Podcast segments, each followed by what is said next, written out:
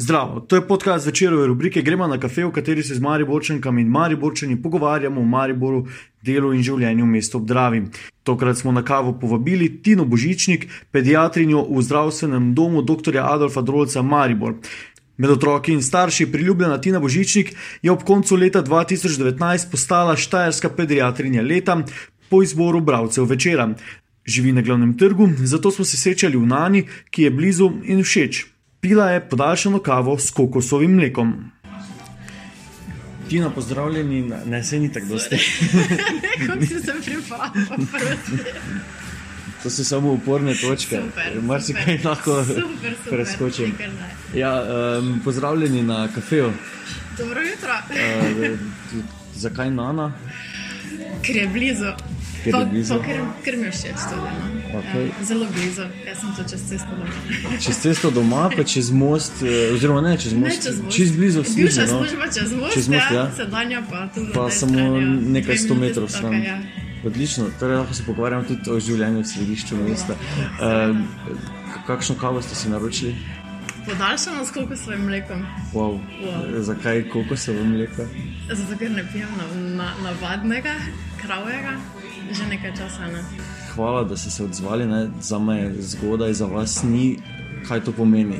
Da, ura je 37. Da ura je minut. 37, da ponavadi, kadarkoli delam do povdan, razen danes, ker je četrtek in začnemo, začenjamo 9. uri, uh, sem ob 7. že v službi, v polni bojni opremi. Uh, to je en razlog, drugi razlog je pa ta, da um, načeloma vstajam. Dobro, pridejo, pridejo trenutki, ko mogoče okrog pete ure, sicer pa znam stati tudi ob štirih, um, zaradi tega, da imam nekaj časa zase, da si zorganiziram dan, da naredim nekaj stvari, preden grem v službo, predvsem za te stranske projekte, ki jih še delam v življenju.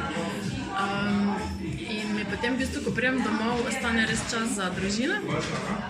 Uh, predvsem pa to, da imam čas zase, ja, da imam mir, rada imam mir zjutraj. Okay, torej, ampak ste doma, zdaj, ker glede na to, da ste v središču mesta, ne greste kam v naravo, ali kako doma? Ne, doma, doma. obožujem središče mesta, obožujem eh, jutra v Mariboru, eh, na glavnem trgu vidim tu lep sončni vzhod.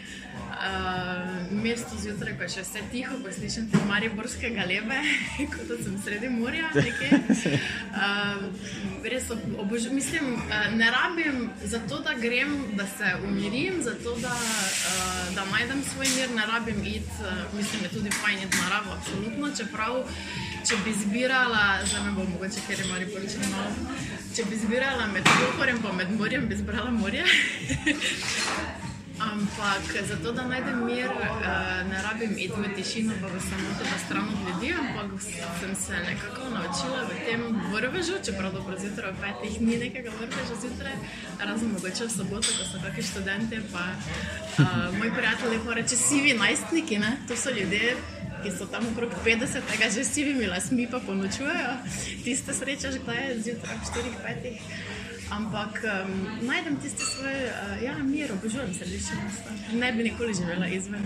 In glede na to, da živite tukaj, je vprašanje o glavnem trgu na mestu. Uh, iskreno mnenje, kako so vam všeč luči, kako kak vam je všeč nov, uh, še sicer nedokončan, oziroma neodprt glavni trg.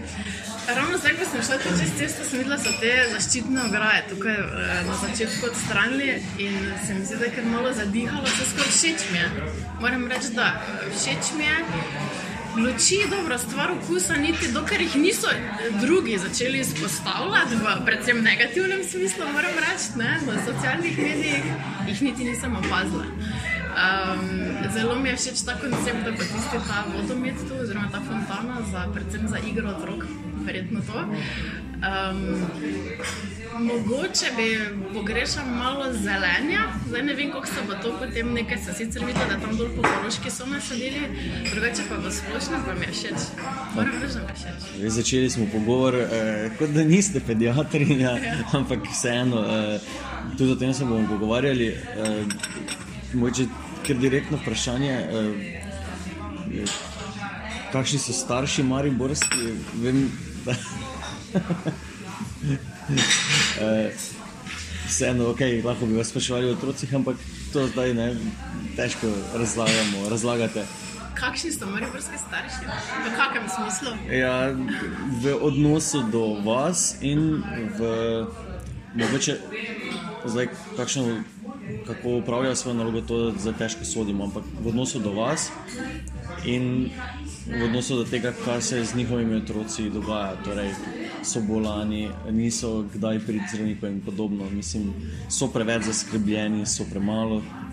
Evo, tako, recimo. Splošno bi jaz rekla, da po mojem je mariborski starš kar poprečje slovenskega, pa poprečje Okej. recimo vsakega starša. Res pa je, da se, da opažam, da je vseeno neko, kako bi rekla, kolektivna zavest, to je zdaj to zelo popularno, ne, Saj kolektivna zavest, kolektivni zavest je to, ampak je nekaj na tem, uh, kakšna je recimo splošna mentaliteta, kak diha recimo mogoče Štajerska regija ali pa recimo Ljubljanska, Primorska, pač kolikor se s kolegi pogovarjam, um, so mogoče Štajerci med bolj zaskrbljenimi ali pa prej zaskrbljenimi ali pa prej zaskrbljeni, mogoče bolj v smislu neke, uh, joj, kaj pa zdaj, neke panike, uh, kot mogoče druge, po, ampak to je res tako grobo ocena. V splošnem bi rekla, da je kar podobno no, po celi Sloveniji ali po celem svetu.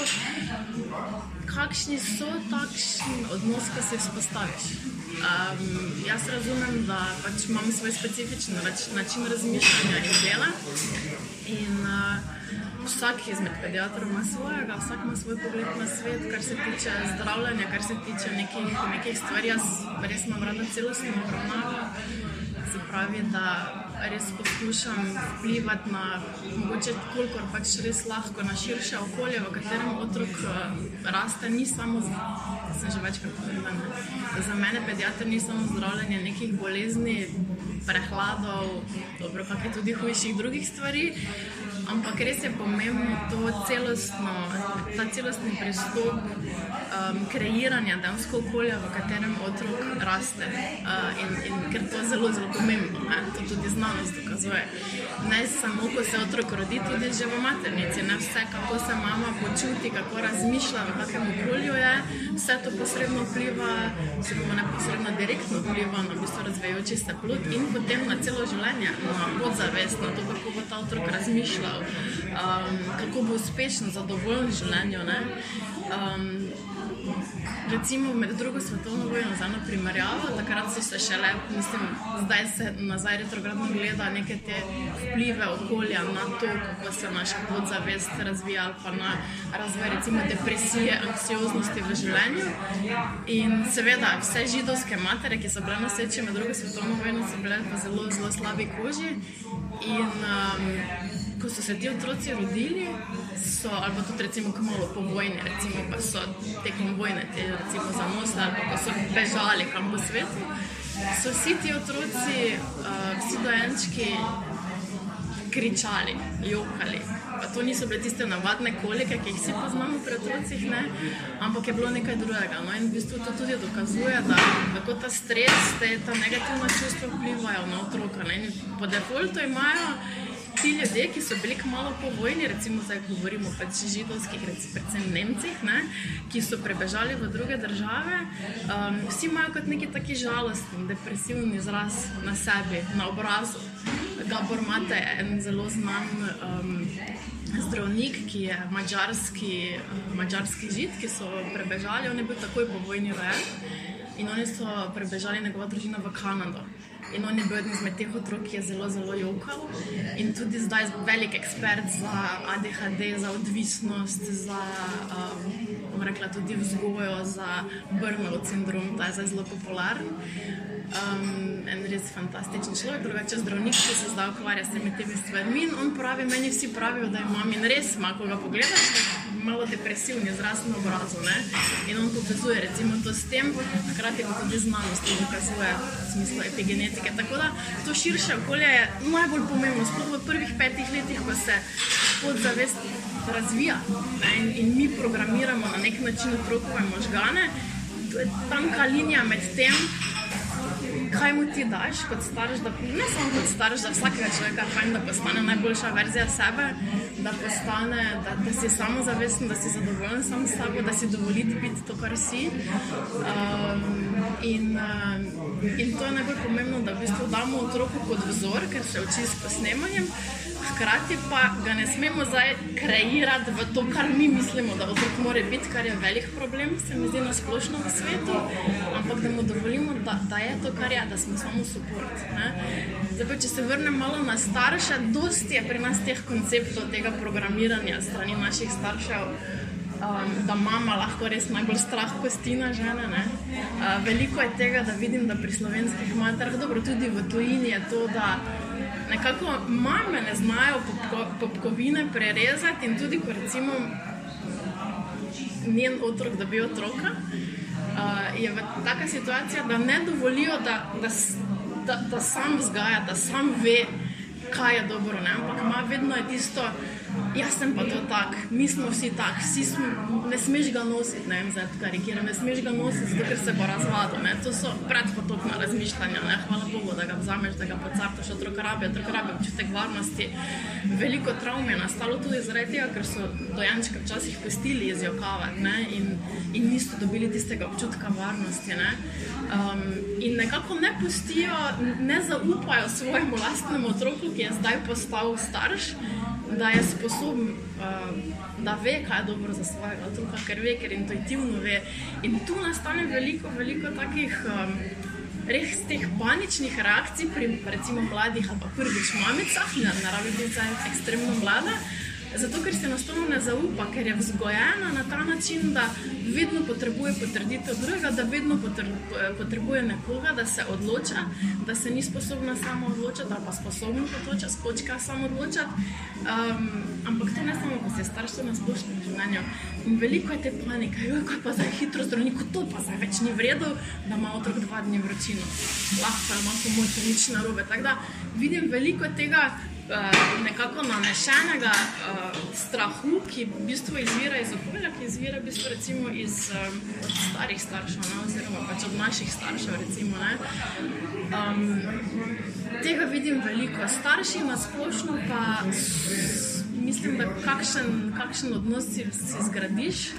Uh, takšnega imaš. Bolj kot si ti, ti, bolj kot imaš svoj, da rečem, neki ekstremen pogled, neko jasno sporočilo. Jaz pač delam tako, bolj si nekako gojiš publiko, oziroma mm. migrirajo določeni ljudje k tebi. Še vedno pa pride kdo drug, ki pač sliši priporočila, pa komu si všeč, komu nisi. Na koncu, ne samo kot starš na splošnem življenju, je vse odvisno od tebe samega. Pač kdo si, kaj si, koliko stojiš za samim seboj. Kupico pod vprašanj eh, se je vmes porodilo. Um, Mogoče eno, ki je bolj za ta podcast del, ne bo še v tisk. To pomeni, da vem, otroci v Mariboru vzgojeni, rojeni leta 2012 bojo uporniški, v naslednjih letih tisti v 2014 pa mogoče bolj nagnjeni k, k navijaštvu in mogoče euforiji športni. Ja. Od, odvisno od njihove družine. Aha, okay, odvisno, odvisno od njihove družine, odvisno od staršev, od mentalitete, od razmišljanja staršev, ampak ja, bodo tudi taki. Okay, Vmes ste že govorili o, o tem, da včasih prehitro pridemo, ne, um, pridejo starši, nisem še starš. Um, jih skrbi vsaka vročina in podobno. Zdaj smo v specifičnem obdobju, ker zna biti to še večji problem. Um, kako si predstavljate, da to jesen, to zimo, ko bo ko se bodo prehladile, pa vročine dogajale, pa jih, se jih bo povezovalo z, z koronavirusom. No? Um, zdaj je prehitro. Ja. V osnovi tako zelo hitro se odločajo in hitro prihajajo, ne? po drugi strani pa spet prav, ne? sami se, sami se včasih težko odločajo oziroma presodijo, kaj je zdaj prehitro, oziroma kaj, če jih skrbi, po eni strani, hvala Bogu, da pridejo. Ne? Po drugi strani je pa stvar, mogoče res bo malo ne, problem našega sistema, da mi kot zdravniki nimam, smo preobremenjeni na posamezno osebo. Mislim, da imamo preveč, prevelike obremenitve, kar se tiče ne samo glavarinskih količnikov, ampak tudi samega sistema, kako je nastavljen.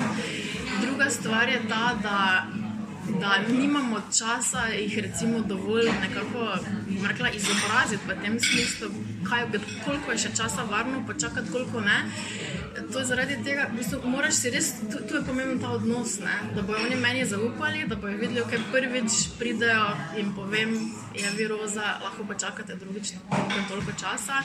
Absolutno moraš biti nekako na voljo, tudi mogoče preko nekega telefonskega klica, um, preko e-maila, to zdaj recimo zelo prakticiramo, da dobijo neko povratno informacijo ali pa da te slišijo, da slišiš ti, sicer je zelo težko v telefonu svetovati, ker otroka ne vidiš pred seboj, ampak z nekimi ciljenimi vprašanji veš, kaj vprašati. Tako da mogoče prvič, drugič pride, tretjič pa že vejo, sami dobijo na meni je, da jim jaz dam tisto za, samo zaupanje, uh mhm. -huh. na meni je, da jim jaz dam tisto potrditev. Glejte, opazujte ga na ta način, boste videli, tako pa tako bo. Trikrat, štirikrat bodo to naredili, potem pa bodo že dobili samo zaupanje. Tako da tu je tudi ta problem, koliko pač se ti angažiraš. Um, tako da mogoče nikoli ni prehitro za njih, ker za mene je to mogoče pač eden izmed kopice otrok, ki ima viruso, za njih pa je njihov ta otrok njihov edini in je njim ta njim 100%. Zdaj, jaz mislim, da kar se tiče koronavirusa, po eni strani, eni ljudje so pa tisti, ki pravijo, niti ne bomo nosili maske pred zvece, ne vse skupaj, moramo se prekužiti in je v populaciji nekaj teh, nekaj tistih, ki so zelo prestrašeni. Um, kako bo, mislim, da bo enako kot je sedaj, da bodo večinoma hitro poklicali, zdaj imamo res ta sistem naročanja strogo, strogo opredeljen. Um, več bo nekih mogoče telefonskih kontaktov, več bo mogoče nekih uh, preko e-maila, zdaj veliko tudi pač sprejemamo vprašanje in potem pokličemo. Tako da mislim, da večjega navala kot je sedaj ne bo, ker že zdaj imamo res tako čudno poletje ne? in je precej mrzlo in imamo ogromno prehladnih obolenj, ogromno nekih brizg in podobnega.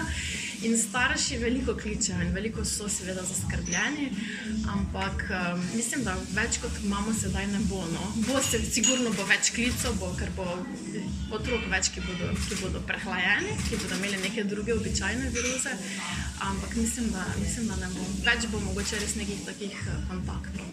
Paniko pa mislim, da smo kar uspeli. Zdaj bomo videli, kaj bo prinesel ta drugi val. Ampak um, mislim, da jim sproti uspemo kar dobro z tem sistemom, ki ga imamo zdaj, da jih uspemo pomeriti. Zdaj ste omenili to komuniciranje um, na novo ali pa drugačen, pa posodobljen način. Se ste že verjetno se prej posluževali telefonskih klicev, ampak tega zdaj parkrat se je že opazilo, predvsem na družbenih mrežah, ker pač te stvari stopajo, da so linije včasih zdravstvenega doma zasedene, ne, da vas ne vas na splošno zdravstvenih delavcev ne uspejo starši eh, drugi priklicati. Kakšen je vaš pogled na ta način dela? Um, je dovolj strokoven? Uh, kakšne pomisleke se, se vem, zdravstvenim delavcem porajajo ob, ob tem načinu dela? Ja, Zelo, če ne poznaš, eh, veliko krat je res tako, da zaradi tega, ker nas je nas konkretno premalo uh mhm. -huh. in dosti krat nadomeščaš druge. Zdaj je tudi sezona dopustov in prav je, da grejo ljudje na dopust in se zgodi, da res smo um, samo pri nas na predšolskem dispanzerju ena oseba, recimo do pola, ena popoldan. Ne? Uh, pričakuje se seveda preko poletnih mesecev nekoliko manjši. Nekoliko ali pa recimo manjše, manjše število obiskov od obolelih. Res je, da smo zdaj, kot sem rekla, v enem takem um, jesenskem poletju, ko je res bolj aprilsko vreme kot ne in je kar nekaj otrok bolanih, in je res problem včasih, zaradi tega, ker um, so linije zasedene. Da, ampak, če se ustraja, jaz mislim, da um, včeraj konkretno smo, smo naredili 56 otrok, ne, recimo jaz v, v dopoldanskem času, um, kar je ogromno na eno osebo.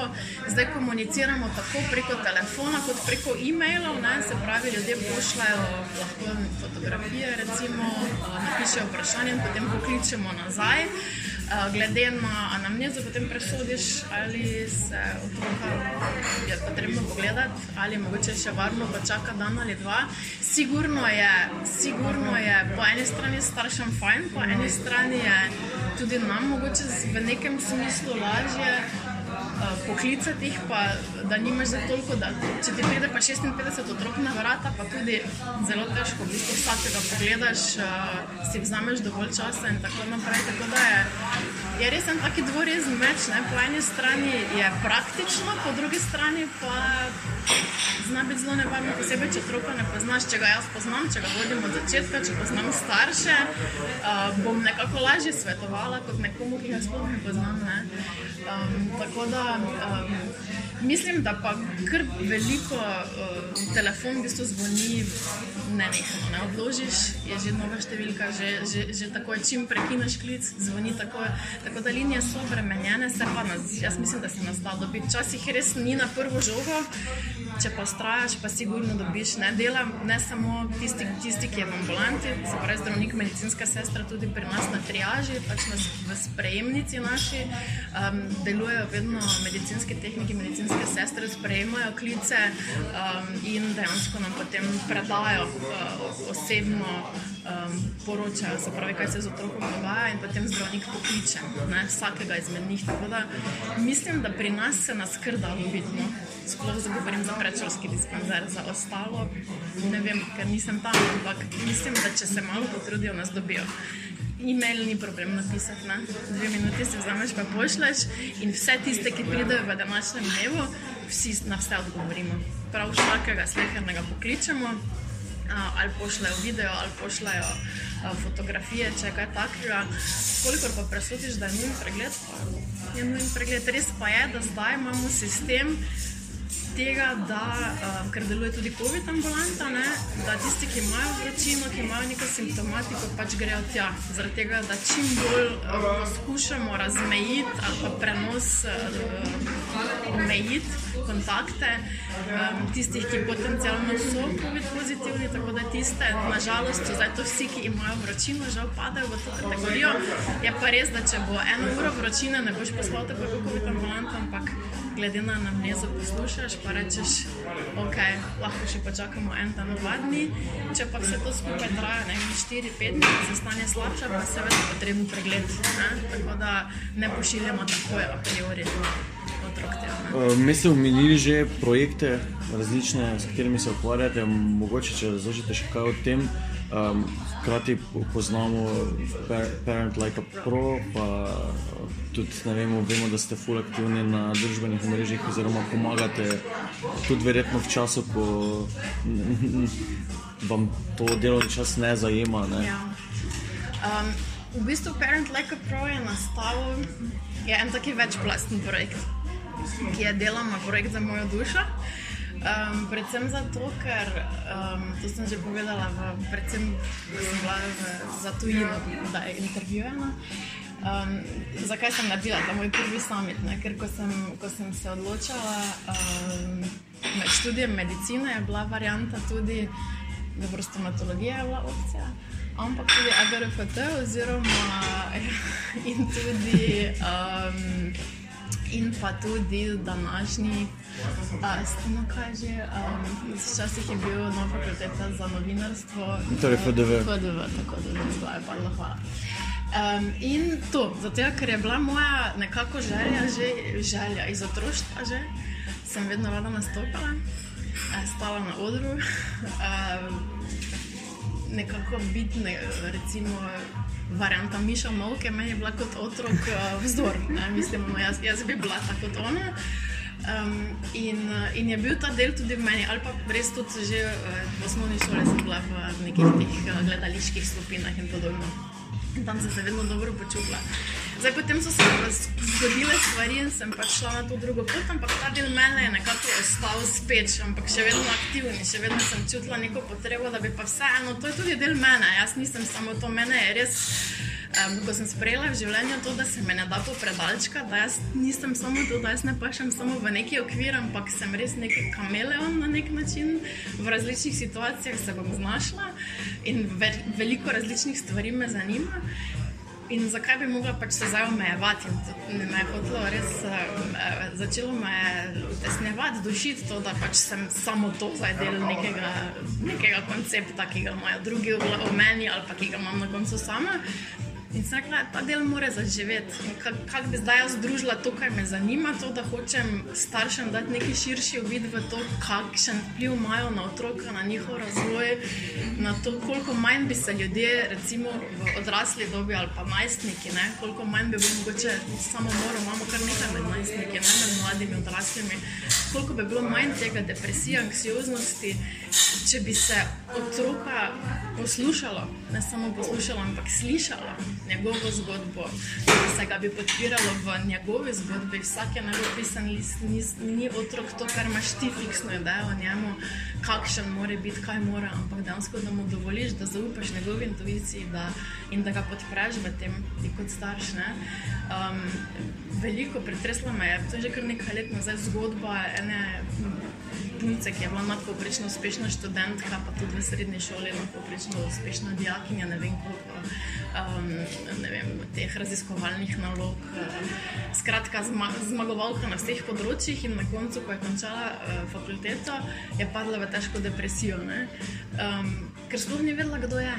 Ker sploh ni vedela, kaj si želi, ker ona je študirala neko X stvar, ker je bila usmerjena strani svoje družine v pač bodi recimo pravnica, sama pa želela likovno ustvarjati, pa biti bolj kreativna na tem področju. In tu pride do takega konflikta v, v, v samem sebi, da lahko to vodi v take dramatične posledice. Ne?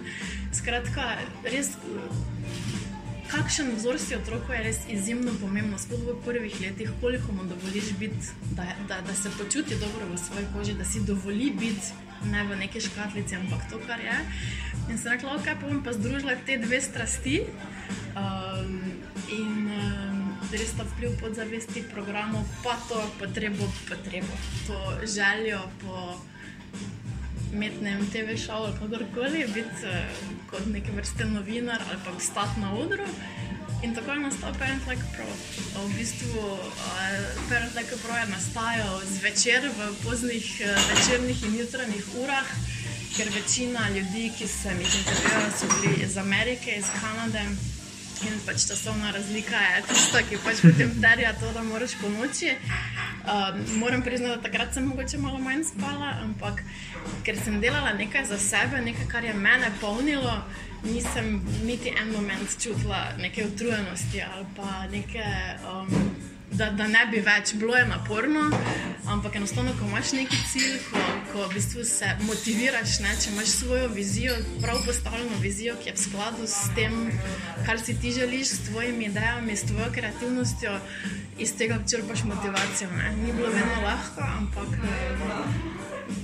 vsekakor se, se je splačalo. Tako, tako je nastal Parent Like a Pro in potem že v bistvu dva kasneje, že kasnejši sami ta. Um, hkrati pa je v bistvu enako kot sem rekla, imamo premalo časa in v sklopu samega ambulantnega dela, predvsem pa v posvetovalnici, kjer starši, prvi starši res potrebujejo največ podpora, ko se otrok rodi. Kot sem rekla, kako zdaj zminimalizirati vpliv družine, ki ima ponavadi popolnoma diametralno nasprotje od idej, kaj je treba dati temu otroku, kot ima ta starš, ker pač generacijsko je sigurno razlika.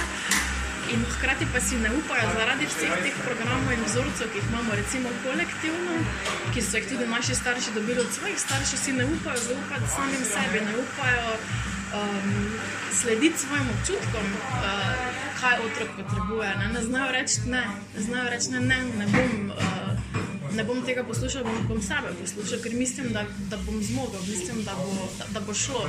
Zdaj, ker imamo ta občutek, da vedno potrebujemo nekoga drugega, potem seveda zorijo in rastejo Facebook skupine, recimo, um, kjer mamice komentirajo, debatirajo in tako naprej. Vsaka tam ima prav. Vsak ima svojo zgodbo.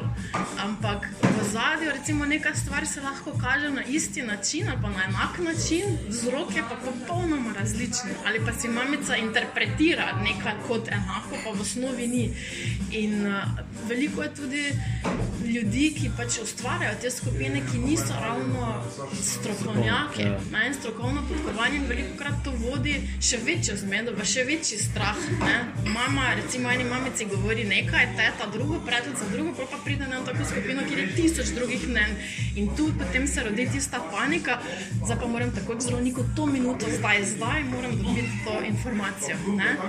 Če bi pa enostavno jo naučili, da si zaupa, da gleda otroka, če je otrok živahni, če se smeji pri dojenčku, če je plenička polulana in nima kaj za skrbeti. In, in v bistvu enostavno poenostavimo vse skupaj. In v bistvu tudi potreba potem dati ljudem neko informacijo, ki ni oskogledna, ki ni ti nimaš prav, ampak vsak ima svojo izkušnjo in pa če treba gledati malo holistično, malo širše. Um, tako je pa potem nastal slovenski projekt Starševalnica za profi starše oziroma profi starš, kot je projekt, ki je v bistvu isto kot Parent Like a Pro, um, kjer se pač res ciljano daje že tudi informacije nosečnicam, um, se pravi, kako se dobro počutiti, kakšen vpliv ima njihovo počutje, njihova podzavest ne, na še nerojenega otroka in potem kasneje, ker če se ti v paniki, v strahu celo nosečnost. Bo potem še toliko hujše. Ne? Sploh, ko je padec hormonov po porodu, um, takrat so zelo, zelo um, te mamice zelo res, taka lahka tarča vseh teh mnen, vseh teh vplivov. Um, hitro se že, že sama poporodna otožnost je veliko krat prisotna. Ne? Instagram pa prikazuje. Vi še niste starši, ampak ko boste, da Instagram prikazuje res poporodno obdobje kot ekstatično, ko se otrok rodi, mama v ekstazi doživlja, ne vem, uh, doživlja res ne vem, neko nadnaravno srečo in tako dalje.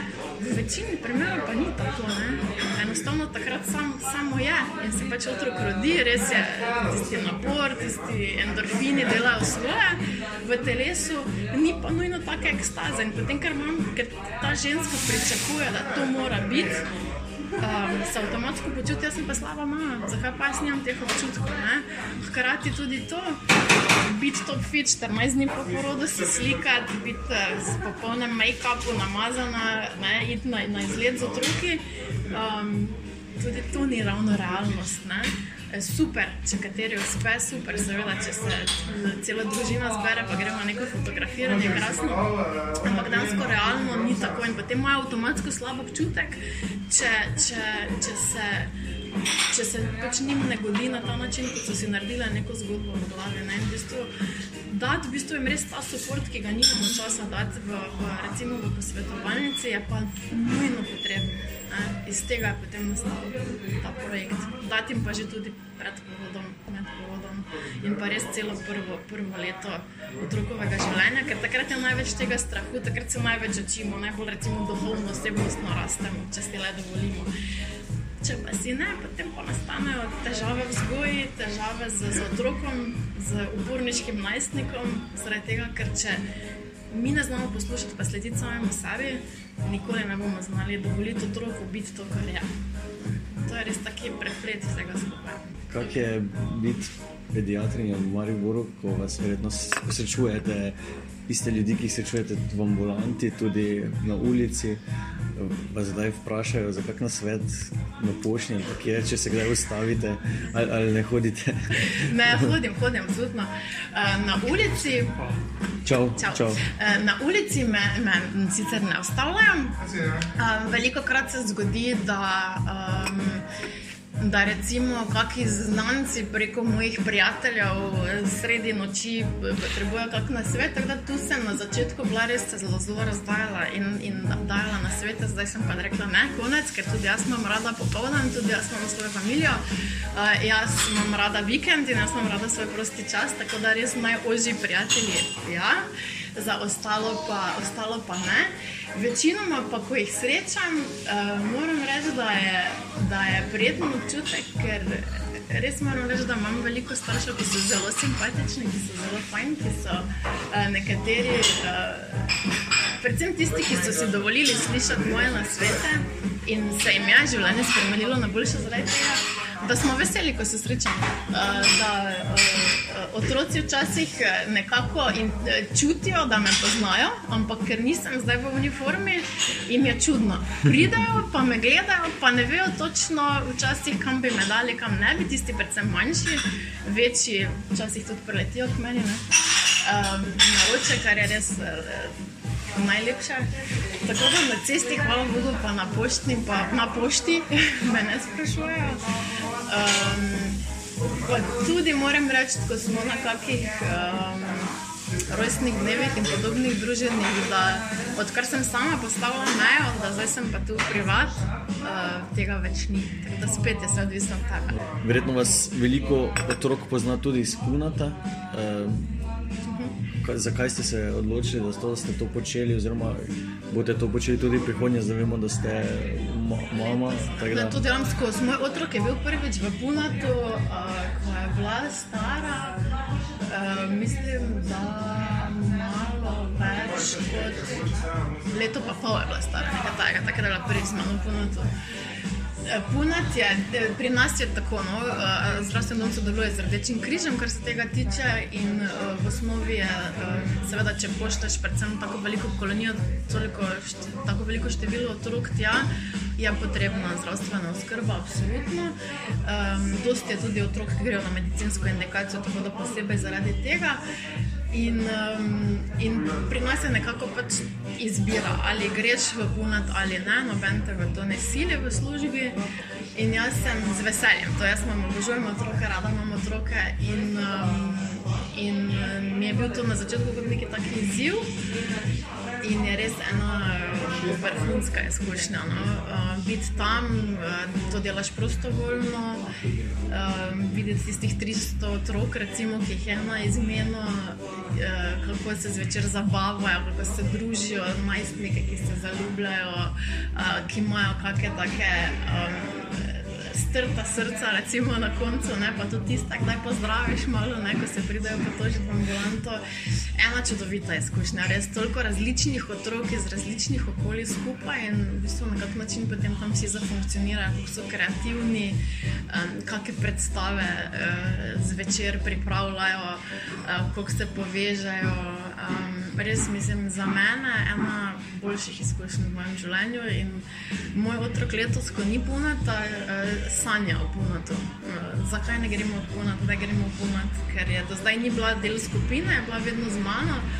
Ampak eh, so že recimo otroci, ki so jo zdaj že par let, recimo zapored, ki so bili v tej moji izmeni in jo poznajo. In In ko jo vidijo, da no, ti si tudi tu, ne, in, in, in je tudi fajn, ne, ker jih pozna, ker je v bistvu smo res že tako domači. Večina vzgojiteljev je tudi um, gre iz leta v leto istih. In potem uh, in tudi pedagoško vodstvo, tako da v bistvu že vemo, kako funkcioniramo, kako dihamo. In smo res samo velika družina in meni je uh, punat in, in otroci punat so za. Ljudje opažajo, da ste Mislim, vedno ste urejeni, privat in v ambulanti.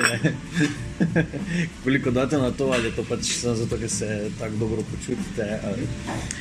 Uh, ja, vsak mora biti tako, kot se dobro počuti. Za, za ene ženske je to, je to biti brez make-upa, ne? Ja. pa, pa pač nekaj dati na sebe, ja.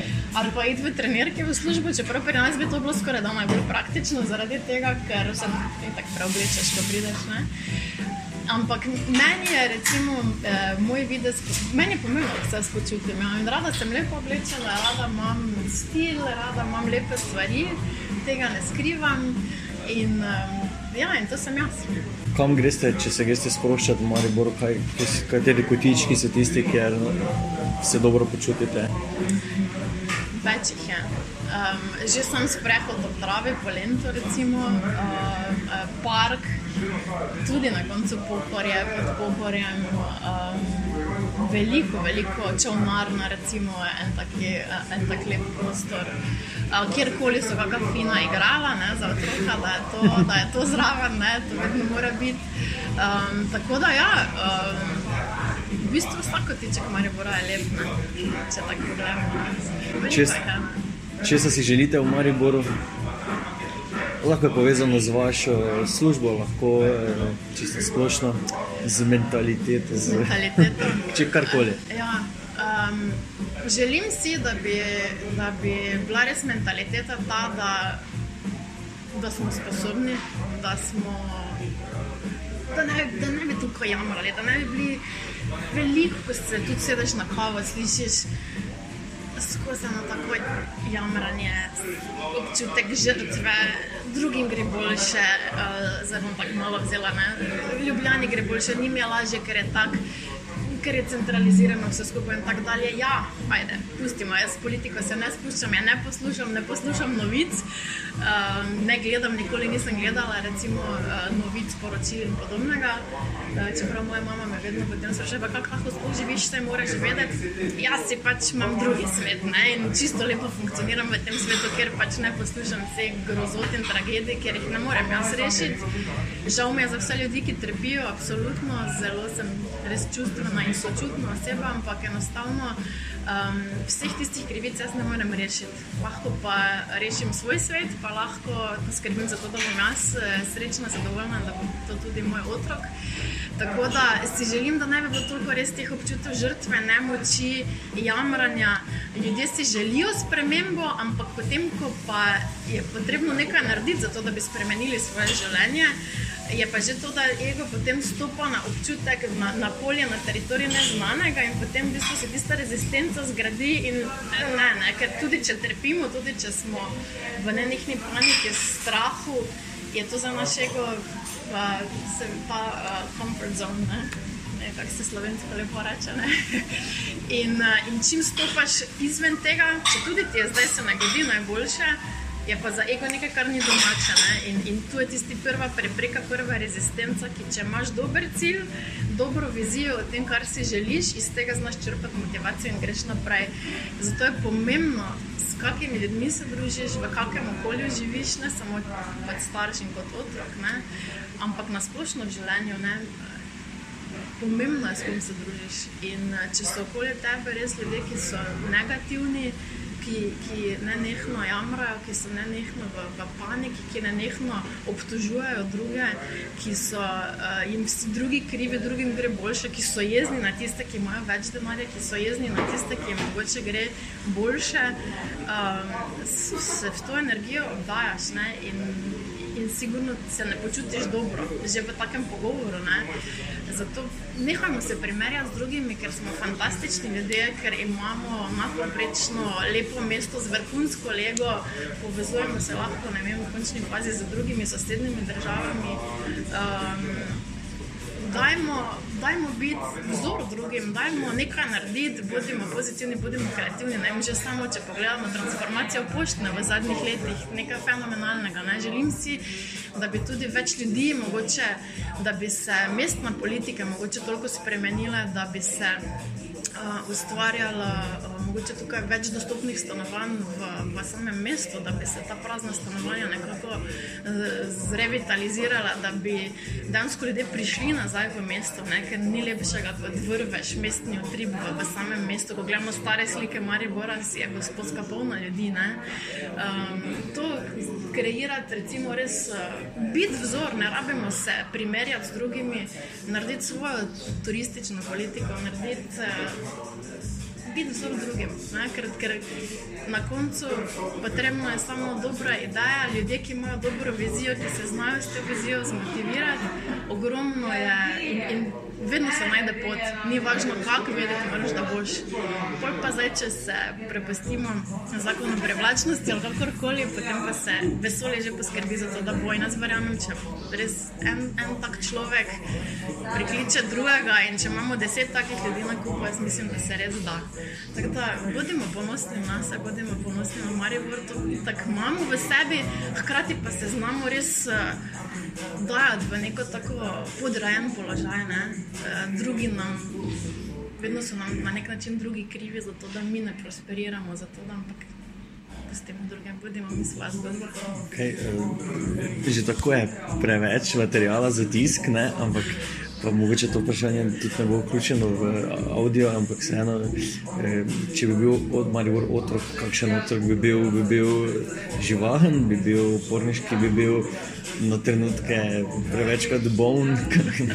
ne vem. Vse to, vse to, predvsem pa se mi zdi, da.